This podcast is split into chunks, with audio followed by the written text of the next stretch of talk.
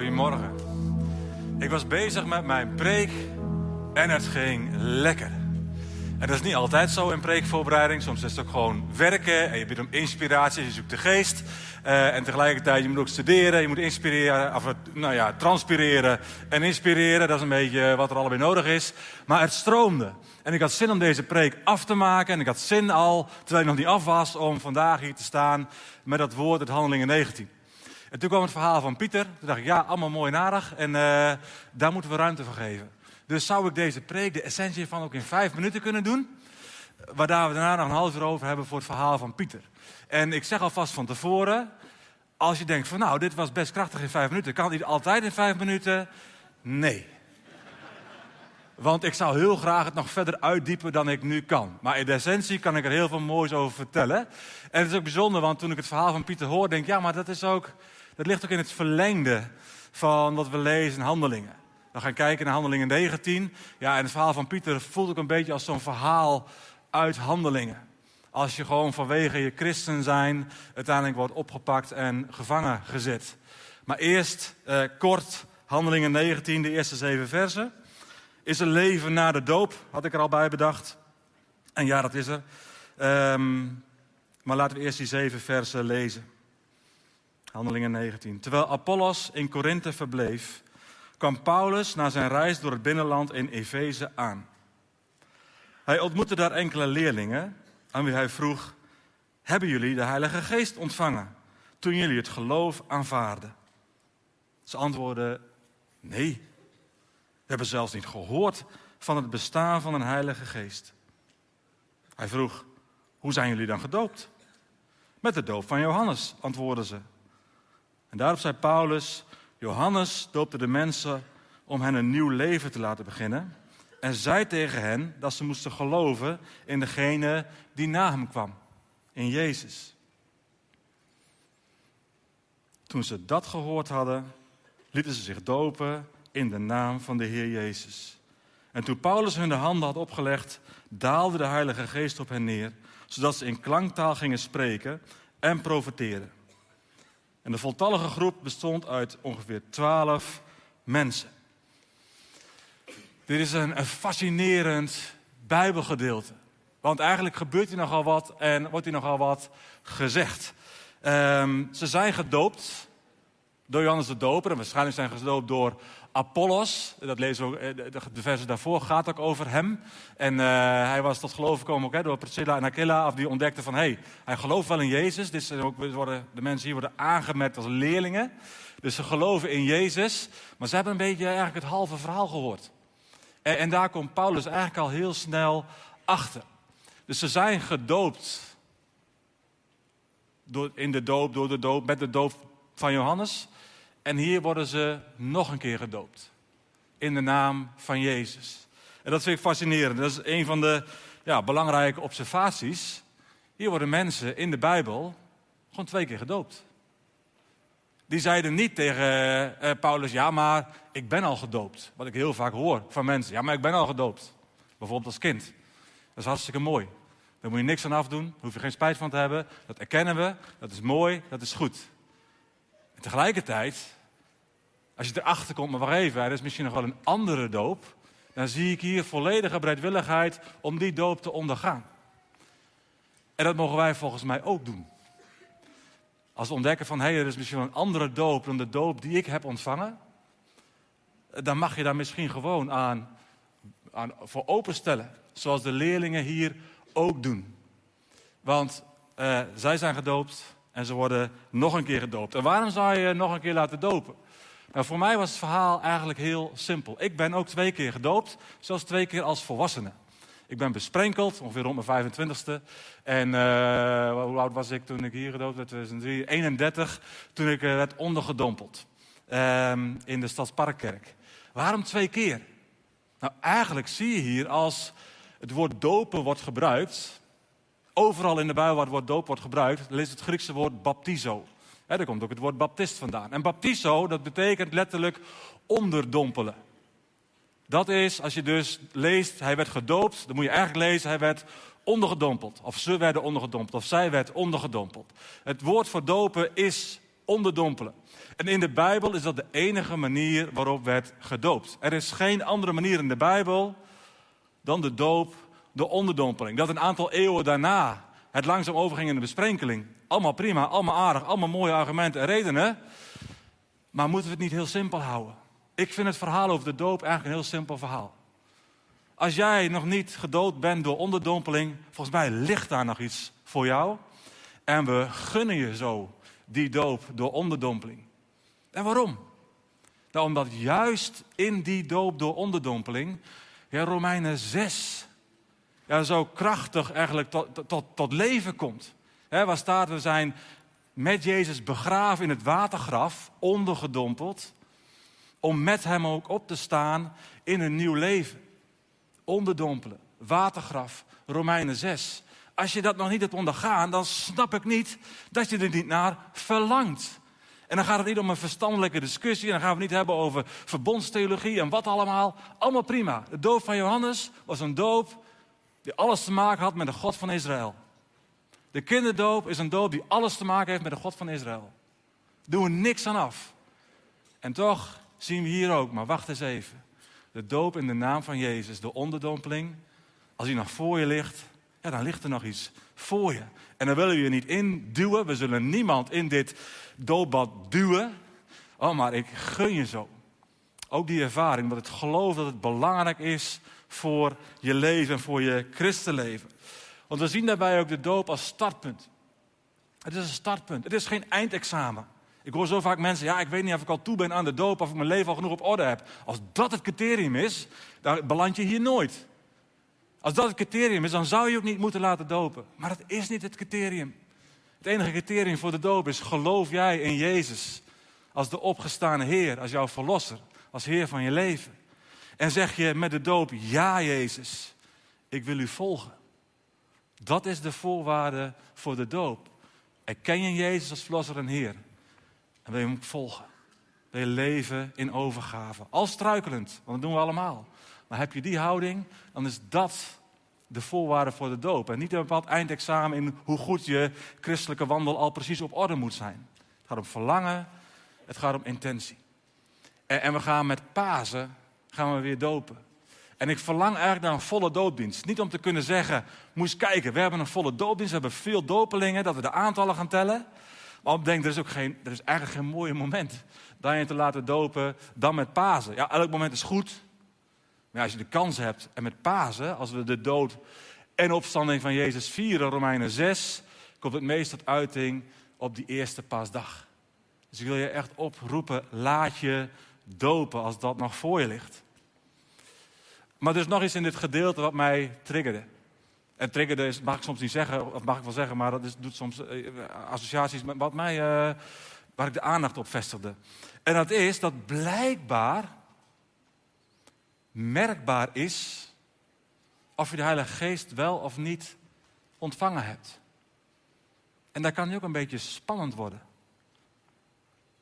Is in jouw leven merkbaar, ook voor de mensen om je heen, dat de Heilige Geest in jou woont?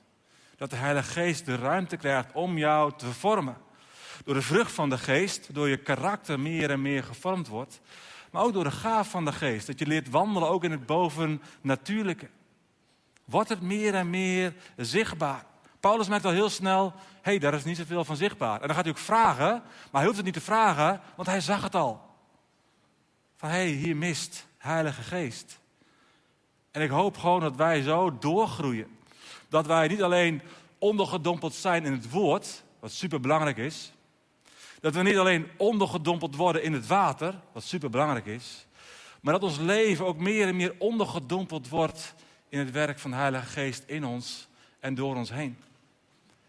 En bij Pieter was de Heilige Geest iets te veel merkbaar in Turkije. Met, met alle gevolgen van dien, en daar gaan we het zo over hebben. Maar ik vind het een prikkelende vraag. Hoe zichtbaar is het werk van de Geest in jou en door jou heen? En die wil ik even gewoon laten staan voor we nou, ons laten voeden door het verhaal van Pieter. Is het zichtbaar? Is het merkbaar? Hoe zou je daarin gewoon verder kunnen groeien? Nou, amen op deze mini-preek. Pieter, kom erbij. Want ja, jij hebt een bijzonder verhaal te vertellen. Je bent uh, naar Turkije gegaan, naar de aardbevingen.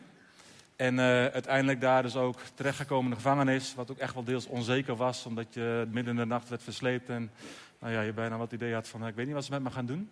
Maar je zit hier en daar zijn we ongelooflijk dankbaar voor. En je hebt iets te vertellen.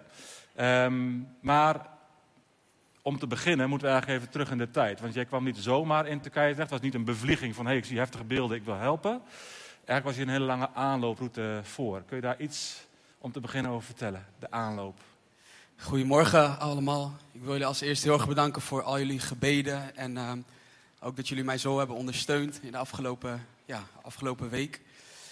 Ik vind het heel mooi om hier weer in vrijheid uh, terug te zijn en thuis te zijn. En het begon eigenlijk al heel lang geleden, een paar jaar terug, dat God sprak van... Maar Pieter, ik wil je gaan gebruiken voor het Midden-Oosten. En het afgelopen jaar was een heel uh, duidelijk moment. En ik was op Awakening, dat is een conferentie. En uh, daar zei ik eigenlijk tegen God, ik zei van Heer, ik leef liever een kort leven als ik maar in het plan wandel wat u voor mij heeft. Het mag mij alles kosten. En op dat moment brak ik helemaal. En um, ik dacht, wauw Heer, ik wil echt alles geven. Ik wil niet zomaar zingen, Heer, ik geef mijn hart, maar ik wil echt alles geven. En dat was eigenlijk echt het, het, een van de eerste momenten dat het heel duidelijk werd van, oké, als jij dat zegt, dan ga ik je voorbereiden. En dan ga ik je klaarmaken. En ik wist ook dat er momenten gingen komen dat ik verdrukking zelf zou gaan meemaken. En je bent recent in Israël geweest? Ja. En daar gebeurt ook iets bijzonders. We hebben al gewoon even echt uh, mooi gekletst met elkaar. Dus ik heb al veel van je verhaal gehoord. Maar dat vind ik ook een relevant element gewoon in, in eigenlijk de aanloop. Dat, nou ja, je mag het zelf zeggen over oud getuigenis, nieuw getuigenis. Maar dat vond ik heel uh, krachtig. Ja, dus um, een aantal maanden terug, toen uh, had ik echt idee, ik moet naar Israël toe gaan. Ik moet echt alleen daarheen gaan, want God wil me ook voorbereiden op het werk dat ik mag gaan doen um, in de toekomst.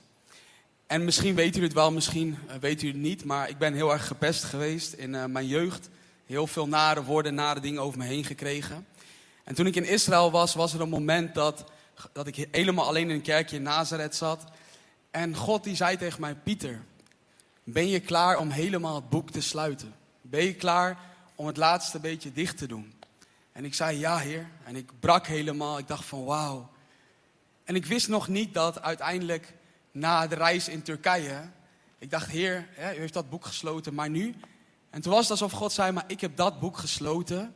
En je getuigenis is mooi, maar het boek is dicht. Nu gaat het nieuwe boek open met je nieuwe getuigenis. Een getuigenis van kracht en van hoop en van vrede.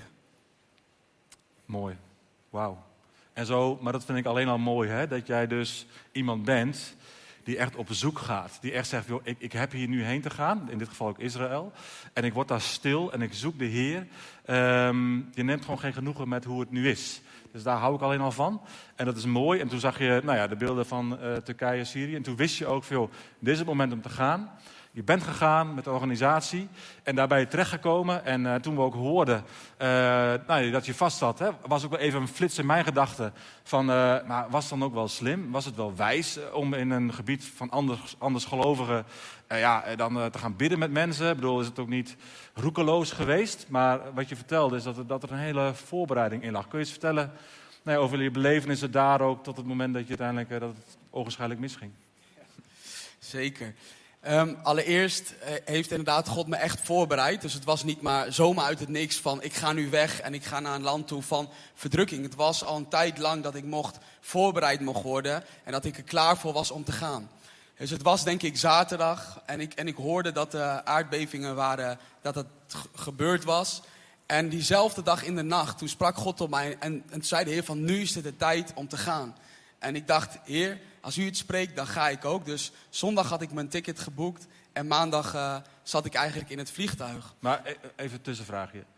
Hoe werkt dat bij jou? God sprak tot mij, uh, je moet gaan. Hoe, hoe, hoe, hoe, werkt dat gewoon bij jou? Ja. Want dat is bij iedereen anders, maar ik ben wel nieuwsgierig. Hoe, uh... Ja, het is een goede vraag, want jullie zullen ook misschien wel denken, maar hoe werkt dat dan? Hoe spreekt God dan tot je? En bij mij is het eigenlijk als volgt gegaan. Stel je voor dat je een nieuwe taal leert spreken. In het begin leer je maar een paar woordjes. Een paar woordjes die je steeds hè, leert te verstaan, leert te spreken. En op een gegeven moment eh, breid je je woordenschat uit en op een gegeven moment begint het vloeiender en vloeiender te worden en begin je woorden te herkennen. En zo is het eigenlijk ook in mijn leven gegaan met Gods stem verstaan. Het is niet altijd per se een hele harde stem of een hele harde roep. Maar doordat ik steeds weer met vallen op mijn opstaan, mijn leven met Jezus elke dag leef, begin ik van binnen te herkennen wanneer God eigenlijk een instructie aan mij geeft. En wanneer Hij mij dus leidt om te gaan of om iets te doen. En dit is allereerst door het woord. Want God spreekt het allerscherpste door het woord heen. Vanuit het woord krijg je wijsheid. En als het moment dan aankomt dat je een stem hoort of een fluister, dan kan ik filteren van ik heb het woord, ik heb wijsheid. En is dit dan ook echt iets wat van God is of niet? Dus het is een soort van taal die ik heb leren herkennen. Mooi. En dat is gewoon groeien, hè? Groeien in die vertrouwelijke omgang met de Heer. En dat werkt ook bij iedereen van ons soms een beetje anders. Maar uh, dat is iets door de jaren heen wat zich steeds verder mag ontwikkelen. Thanks. En je kwam in Turkije en uh, nou, er was ook een briefing, want je gaat natuurlijk naar een, uh, ook een spannend gebied. Je wil hulp bieden, uh, naar geest, naar ziel, naar lichaam. Maar dat vraagt ook om culturele gevoeligheid, neem ik aan. Ja, het is heel belangrijk om niet zomaar een land in te gaan en denken we gaan alles overnemen. Maar het is goed om, hè, ik heb ook het team uiteindelijk getraind van hoe praat je bijvoorbeeld als man met een, um, een vrouw van een andere religie. Schud je wel of niet de handen. Al deze kleine dingen zijn van mega belang om uiteindelijk met mensen in contact te komen en om het vertrouwen te winnen van mensen.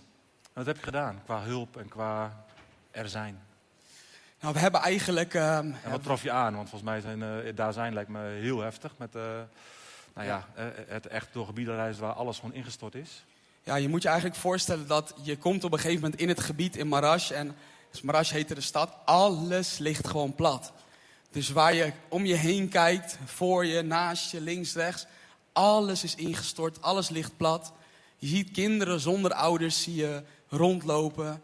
Je ziet familie wachtende op hun, op hun overlevende families. Als je voor je kijkt, één gezichtsveld zoals jullie in de zaal zitten, 3500 mensen vermist. Dat is wat je aantroft. Ontzettend heftig. En wat we hebben gedaan is, we hebben, we hebben voedsel gebracht. We hebben bijvoorbeeld slaapzakken, tenten. Lieve mensen, er zijn in de afgelopen week meer dan duizend mensen onderdak, eh, hebben we onderdak kunnen geven. Doordat jullie hebben gegeven en gezaaid. En dit zijn allemaal dingen die we in het praktische hebben kunnen doen. Maar misschien nog wel veel belangrijker. Ik heb, misschien kan een foto van de kind, kindjes alvast op het scherm met mij. En wat ik mocht doen, ik mocht een knuffel geven aan twee kinderen. En dit moment zal ik nooit vergeten. Deze kinderen liepen gewoon alleen ergens op straat in het aardbevingsgebied. En mijn hart brak, lieve mensen, toen ik deze kindjes zag. En ik wist, het enige wat ik nu kan doen is een knuffel geven. En elke keer als ik deze foto weer zie, afgelopen dagen ook, dan blijf ik er maar naar kijken. En dan denk ik, Heer, laat mij nooit vergeten hoe het was om die kindjes te ontmoeten. Dus los van de praktische hulp hebben we ook echt een hoop mogen brengen in de tijd van iets heel zwaars. Mooi. En waar ging het mis? Nou ja, waar werd het spannend? Waar ging het de vraag is of het echt misging, hè? Of dat dit onderdeel was van het geheel, maar uh, waar werd het spannend, laat ik het zo zeggen. Yes. Op een gegeven moment waren we bij een, een school in het aardbevingsgebied, wat was omgebouwd tot uh, vluchtelingenkamp, waar mensen terecht konden. En de leider van de organisatie die zei: Jongens, tegen het team, we zijn hier om voedsel uit te delen, om dingen te geven, maar we zijn hier ook om hoop te brengen. Dus op een gegeven moment had hij die dag ervoor een visioen gekregen dat er ook echt wat er in handelingen staat, wonderen, tekenen, dat het ook bij die school zou gaan gebeuren. Dus hij zegt op een gegeven moment tegen een van de mensen die daar was, van andere religies, hij zegt, is er ook iemand met pijn? En er komt iemand naar voren en het eerste wat er gebeurde is in een moment was deze persoon genezen. En zo ging het door en door en door. En achter elkaar werden harten geraakt, moesten mensen huilen. Werden wonderen en tekenen gebeurden er. En hij zei, we mogen moedig zijn. We mogen ons uitspreken. Dus ik dacht op een gegeven moment, ik heb altijd heel erg een hart voor kinderen. Dus daarom vind ik het ook zo mooi dat er, hè, dat er zoveel aandacht gegeven wordt vandaag. Dus ik zei zo van, alle kindjes, kom maar om me heen staan. Kom maar bij mij op de trap staan. Dus op een gegeven moment stonden er 35 of 40 kinderen om me heen. En wat ik begon te doen was, ik zei gewoon van, God houdt zoveel van jullie. Ik zei, ook al is misschien alles hier kapot in dit land, jullie zijn de hoop voor het land. Jullie zullen deze nieuwe generatie zijn die, ja, die hoop gaat brengen. Dus één voor één mocht ik op de knieën, mocht ik kindjes de handen vasthouden, mocht ik ze in de ogen kijken. En er kwam gewoon vreugde terug, er kwam blijdschap. En waar, waar er bijzondere dingen gebeuren, komt er ook aanval, letterlijk. Dus uiteindelijk viel na een uur, viel de islamitische organisatie, viel eigenlijk de plek binnen. En op dat moment was ik aan het spelen gewoon met kindjes. Jochem, zou je het misschien het filmpje kunnen laten zien?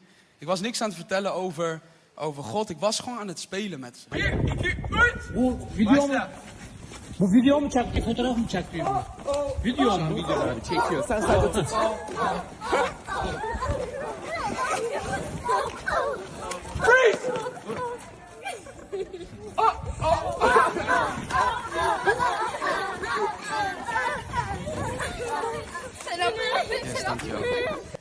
Wat er eigenlijk gebeurde was, ik ging gewoon hun zien. Ik ging gewoon met hun spelen. Ik ging gewoon echt hun een leuke tijd bezorgen.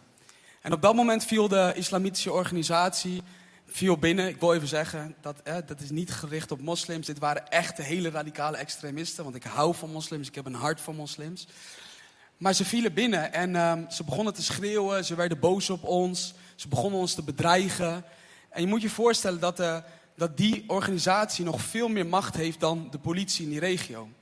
Dus dat is eigenlijk waar het begon. Ze begonnen boos te worden op ons. En er was gewoon intimidatie dat plaatsvond op het werk dat wij deden. En zij uiteindelijk hebben de politie ingeschakeld en die moesten jullie wel oppakken. Ja, dus ze moesten ons uiteindelijk oppakken. Maar ik wist van God gaf me op dat moment de wijsheid om keuzes te maken en hoe ik moest praten. Eén voorbeeldje was, op een gegeven moment als, wouden ze, wilden ze heel veel informatie van ons. Dus begon de politie heel veel vragen te stellen. Dus ik was niet de leider van het team op dat moment, maar ik zei tegen het team... Want als mensen bang zijn, beginnen ze, eh, gaan ze informatie geven die eigenlijk niet moet geven. Dus ik zei tegen het team, jongens, ik leid het team vanaf nu... En ik ben de enige die nog vragen beantwoordt. Dus gaf me echt in een moment wijsheid van welke dingen ik wel kon beantwoorden en welke vragen ik niet kon beantwoorden. En op een gegeven moment komt de politieman komt naar me toe en hij zegt: Laat je telefoon zien.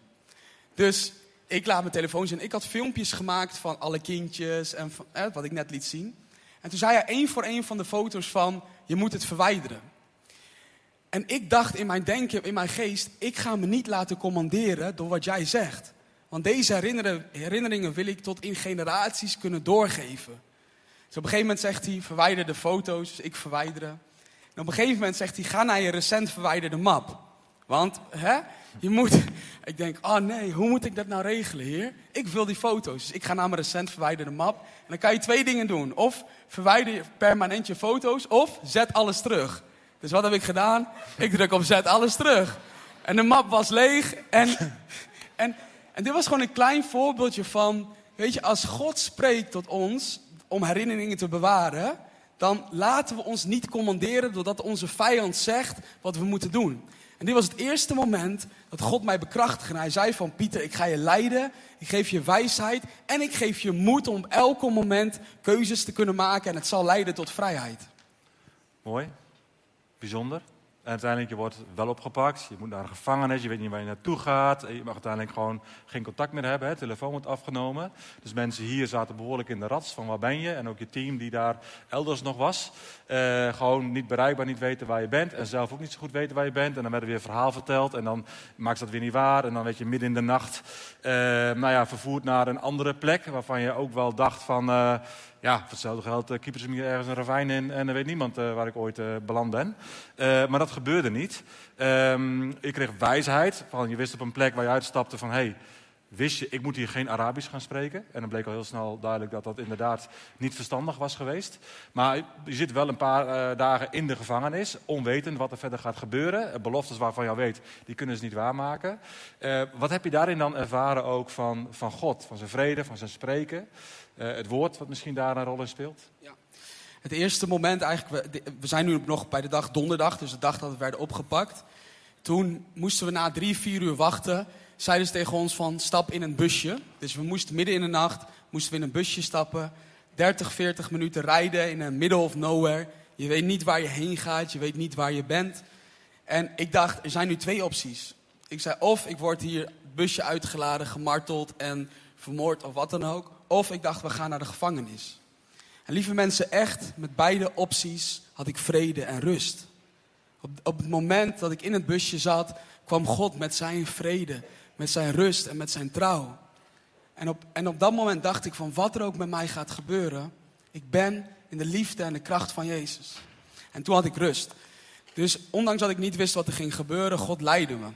Dus we kwamen in de gevangenis en ze deden de deur open. Ik mocht geen, ik mocht geen eens veters in mijn schoen hebben, want ze, waren bang dat ik mezelf zou ophangen. Nou, dat, dat zou ik nooit van mijn leven doen. Het leven is veel te leuk, jongens. Dus um, ik kom in de gevangenis en ik ga lekker. Ik zeg, we gaan bidden, jongens, we stoppen niet met bidden. En op een gegeven moment val ik rustig in slaap. En midden in de nacht word ik wakker. En ik zie de, want ik was met twee vrouwen en één wat oudere vrouw die spreekt Turks en één wat jongere vrouw. En ik word wakker een paar keer midden in de nacht en ik zie die vrouw bidden over ons. In, in, in tongen, ze, ze bidt over ons. Psalm 91. En toen besefte ik me weer wat het belang is van het kennen van het woord. Op het moment dat je opgesloten zit, op het moment dat niemand bij je is, dan ken je de waarheid en dan ken je het woord van God. En wat nou bleek, ik kan niet te veel details geven over dit stuk, want het is heel gevoelig. Maar wat nou bleek was dat op dat moment, toen zij Psalm 91 over ons uitbad, dat de bewakers aan het overleggen waren om, om de jongere vrouw mee te nemen en iets ernstig met haar te gaan aandoen. En het was zo heftig eigenlijk, maar omdat het woord werd geproclameerd van God, zijn we uiteindelijk beschermd. Dus Arjan, als je ook vraagt van, wat doet het met me? Als mens zou het misschien heel veel met me hebben gedaan. Maar Gods leiding was zo bovennatuurlijk aanwezig. Gods vrede was in mijn hart. En dat kwam door het woord en dat kwam door de geest. Die balans is nodig elke dag van ons leven. Ja, amen. Ik zeg het elke week. Je mag gewoon een keer mee, Arjan. Ja, maar soms moet je, ik bedoel, we moeten niet hopelijk allemaal uh, zulke situaties meemaken om te snappen dat het echt zo is. Ik bedoel, de geest maakt heel vaak gebruik van het woord. Dus ik zeg, we willen meer van de geest. Ik zie dat heel vaak en door de jaren heen. is altijd weer een beweging. Ja, er moet meer van de geest en doorbraak en kracht. Amen. Ik wil ook doorbraak en kracht. Daar staan we voor open. Maar de geest werkt heel veel via het woord. Wil je meer van de geest? Zorg dan dat je vooral ook meer gevoed wordt door het woord. Want de geest gebruikt heel vaak het woord om dingen tot leven te brengen. Om je te leiden, om, om wijsheid te geven. Dus denk niet dat meer van de geest gaat zonder meer van het woord. Dat is een huwelijk, dat hoort bij elkaar. Nou, dat even terzijde. Amen. Ja. En wat voor les heb je meer geleerd, Pieter? Want... Uh, dat, dat is, hè, we kunnen heel de details van het verhaal verder gaan. Maar ik vind het ook gewoon mooi om eigenlijk de lessen. Dat is al een hele grote. Hè, van dat je zelf ook weer ja, de, de, kracht van het woord. En, en echt de leiding van God door zijn geest. Het samengaan daarvan zo duidelijk hebt ervaren. Eh, maar wat voor lessen neem je gewoon nog meer mee uit, uit deze hele geschiedenis? Ja. Nou, allereerst, uh, als ik nog één voorbeeldje mag geven. En dat is ook weer heel grappig, maar tegelijkertijd als we het hebben over verstaan van Gods stem, instructies. Wat, er waren kaartjes gemaakt maar met waarop stond Jesus loves you. En uiteindelijk was dit het hele probleem geworden waarom we ook hè, waren opgepakt.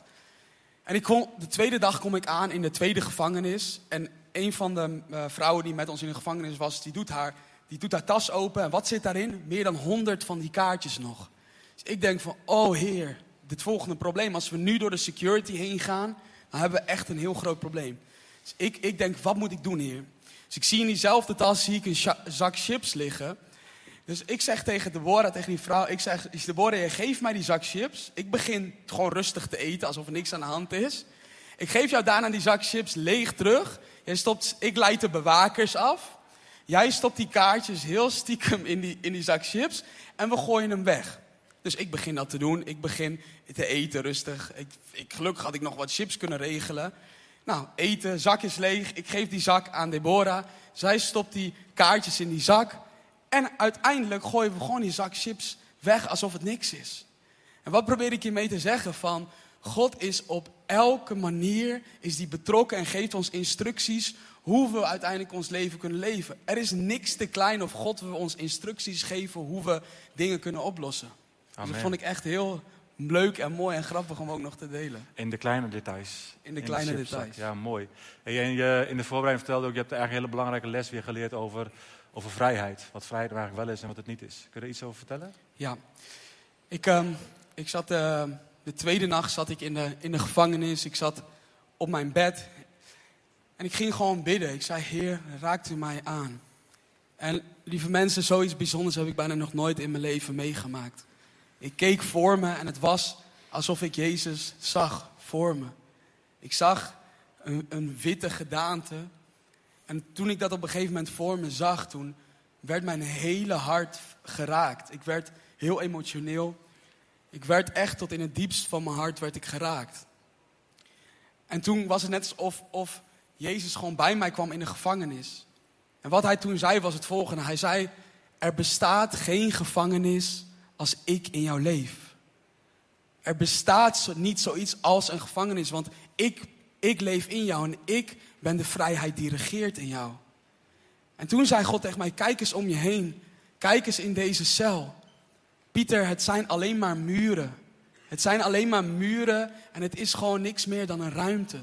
Dit is de plek waar je bedienen mag. Dit is de plek waar je getuigen mag. En toen dacht ik, wauw Heer, wauw. En het opende mijn ogen. Ik, op dat moment zat ik in de gevangenis, maar ik was vrij.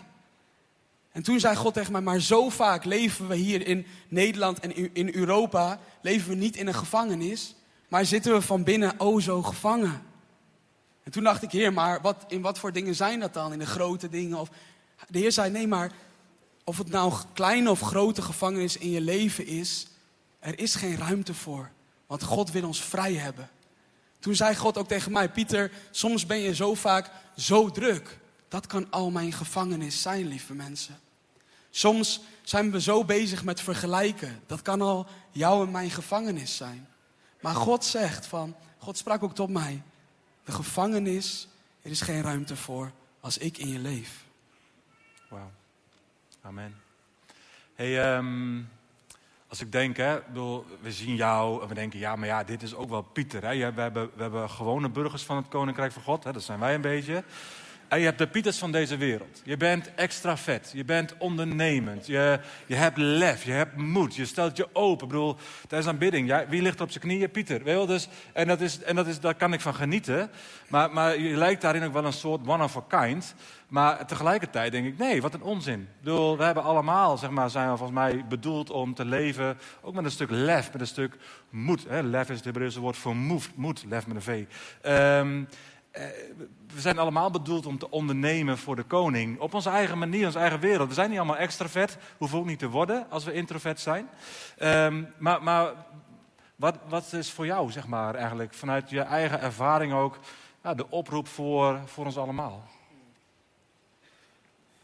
Ik denk een hele belangrijke les is. Heel veel mensen zeggen inderdaad van Pieter, jij bent zo. En denken van voor mij is niks spannend of voor mij is niks erg. Maar ik denk dat de belangrijkste vraag is: breekt jouw hart voor wat er, waar God om helpt? Break my heart for what breaks yours. Ik zat in de, in de gevangenis en ik was heel verdrietig gewoon van... God, we hebben wonderen gezien, we hebben tekenen, u deed tekenen. We gingen naar de onbereikte plekken waar niemand wilde komen. En ik werd verdrietig. Ik dacht, maar heer, hoe kunnen ze ons dit aandoen? Hoe kan dat nou? En op een gegeven moment begon God mij in mijn denken vragen te stellen. En de eerste vraag die God me eigenlijk stelde was van, maar Pieter, deed ik niet wonderen toen ik op aarde was? En ik zei ja, Heer. En de tweede vraag was, deed ik niet bijzondere dingen toen ik op aarde was? Ik zei ja, Heer. De derde vraag, Jezus zei, God zei tegen mij, ging ik niet naar de plekken toe waar niemand wilde komen? En ik was ja, Heer. En toen kwam de laatste vraag. Toen zei God, maar hoe hebben ze mij dan behandeld? Toen was ik, toen was ik wow, Heer. Dank u wel dat u mijn ogen opent. Dank u wel, Heer. Lieve mensen, als wij denken dat we het zwaar hebben. En als we dan kijken naar het leven van Jezus. Dan valt het allemaal in het niet. Toen sprak God een zin tot mij. Die zin, break my heart for what breaks yours.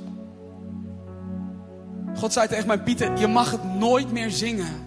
Als je niet ten diepste beseft de lading van deze zin. Het gaat er niet om of ik introvert ben of dat ik ondernemend ben of dat ik dingen goed kan. Dat zijn allemaal dingen die kan je leren. Maar het gaat erom, breekt ons hart nog voor de dingen die echt breken in het vaderhart? Breekt ons hart nog en is het nog open om te lijden met de mensen die lijden? En we gaan ook zo meteen bidden.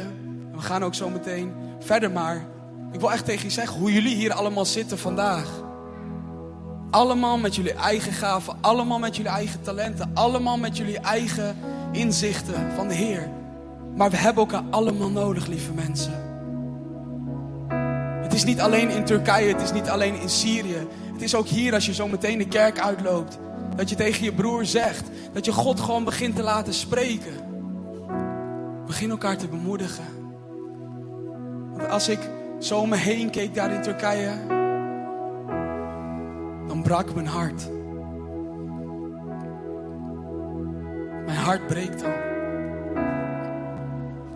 Weet je wat het is, lieve mensen? Sommige, soms zeggen mensen een gebroken hart is niet goed. Maar ik geloof dat een gebroken hart geweldig is. Weet je waarom? Omdat God het kan, kan helen. Heer, breek mijn hart maar. Zodat u de genezer kan zijn van mijn hart. Ik denk dat dat mijn. Ja, amen. En je avontuur in uh, Turkije stopte, want je werd het land uitgezet. Maar jouw missie voor het Midden-Oosten gaat door. En daar wil je ook in, uh, in ondersteunen. En uh, tot slot zou je willen bidden. Zou je willen bidden voor daar? Er zijn ook heel veel broers en zussen. Ja, die kunnen niet de ambassade bellen. Die kunnen niet weg. Die zijn altijd bang om opgepakt te worden. Omdat ze op plekken zijn waar het altijd reëel is. Uh, dus wil je bidden voor daar, ook voor de nood. En tegelijk wil je bidden ook voor ons. Vanuit wat je maar hebt gedeeld. Zullen we misschien Zullen we samen gaan gaan staan? staan? Jezus, Jezus, dank u wel, Heer. Voor we ook gaan bidden, wil ik ook echt jullie uitnodigen zometeen. Op dat moment dat ik in de gevangenis was, en dat God sprak tegen mij, maar er is geen gevangenis als God in je leeft. Ik heb het idee dat er vanochtend ook mensen zijn die ook iets in hun hart dragen dat, dat misschien niet, zozeer lijkt op een gevangenis zoals daar, maar wat je eigenlijk wel tegenhoudt. Wat je eigenlijk wel klein houdt en wat je remt in je leven met, met Jezus en in je wandel. En dat kan ook de reden zijn waarom je hart niet meer ten diepste breekt voor, voor het vaderhart. En dan wil ik echt tegen je zeggen, vandaag is de dag. Vandaag is de dag dat Koning Jezus rechtstreeks tot je hart wil spreken en jou wil bedienen. Vandaag is de dag dat God zegt maar, welkom in mijn armen. Welkom in mijn vaders huis. Dat is ook mijn gebed, lieve mensen. Weet je wel, heel vaak dan komt er een oproep en hè, dan, dan moet je bijna voelen, er is iets mis met mij en daarom ga ik naar het gebedsteam toe. Maar als we een kerk willen worden van doorbraak in Groningen, dan zouden we bij elke oproep allemaal op de knieën mogen vallen, omdat Jezus je elke keer weer uitnodigt. Het is niet iets wat eenmalig weer, weer naar voren mag komen. Dat kruis dat daar staat, dat mocht ik aanschouwen in de gevangenis en het heeft mijn hele leven weer veranderd. En ik wil zo meteen als we ook gaan, misschien kunnen we dat ook zingen voordat ik nog ga bidden. Heal my heart. Heal my heart. Dat we gewoon onze ogen voor een moment gaan sluiten. Heal my heart. Genees mijn hart. Heer, breek mijn hart voor wat uw hart breekt.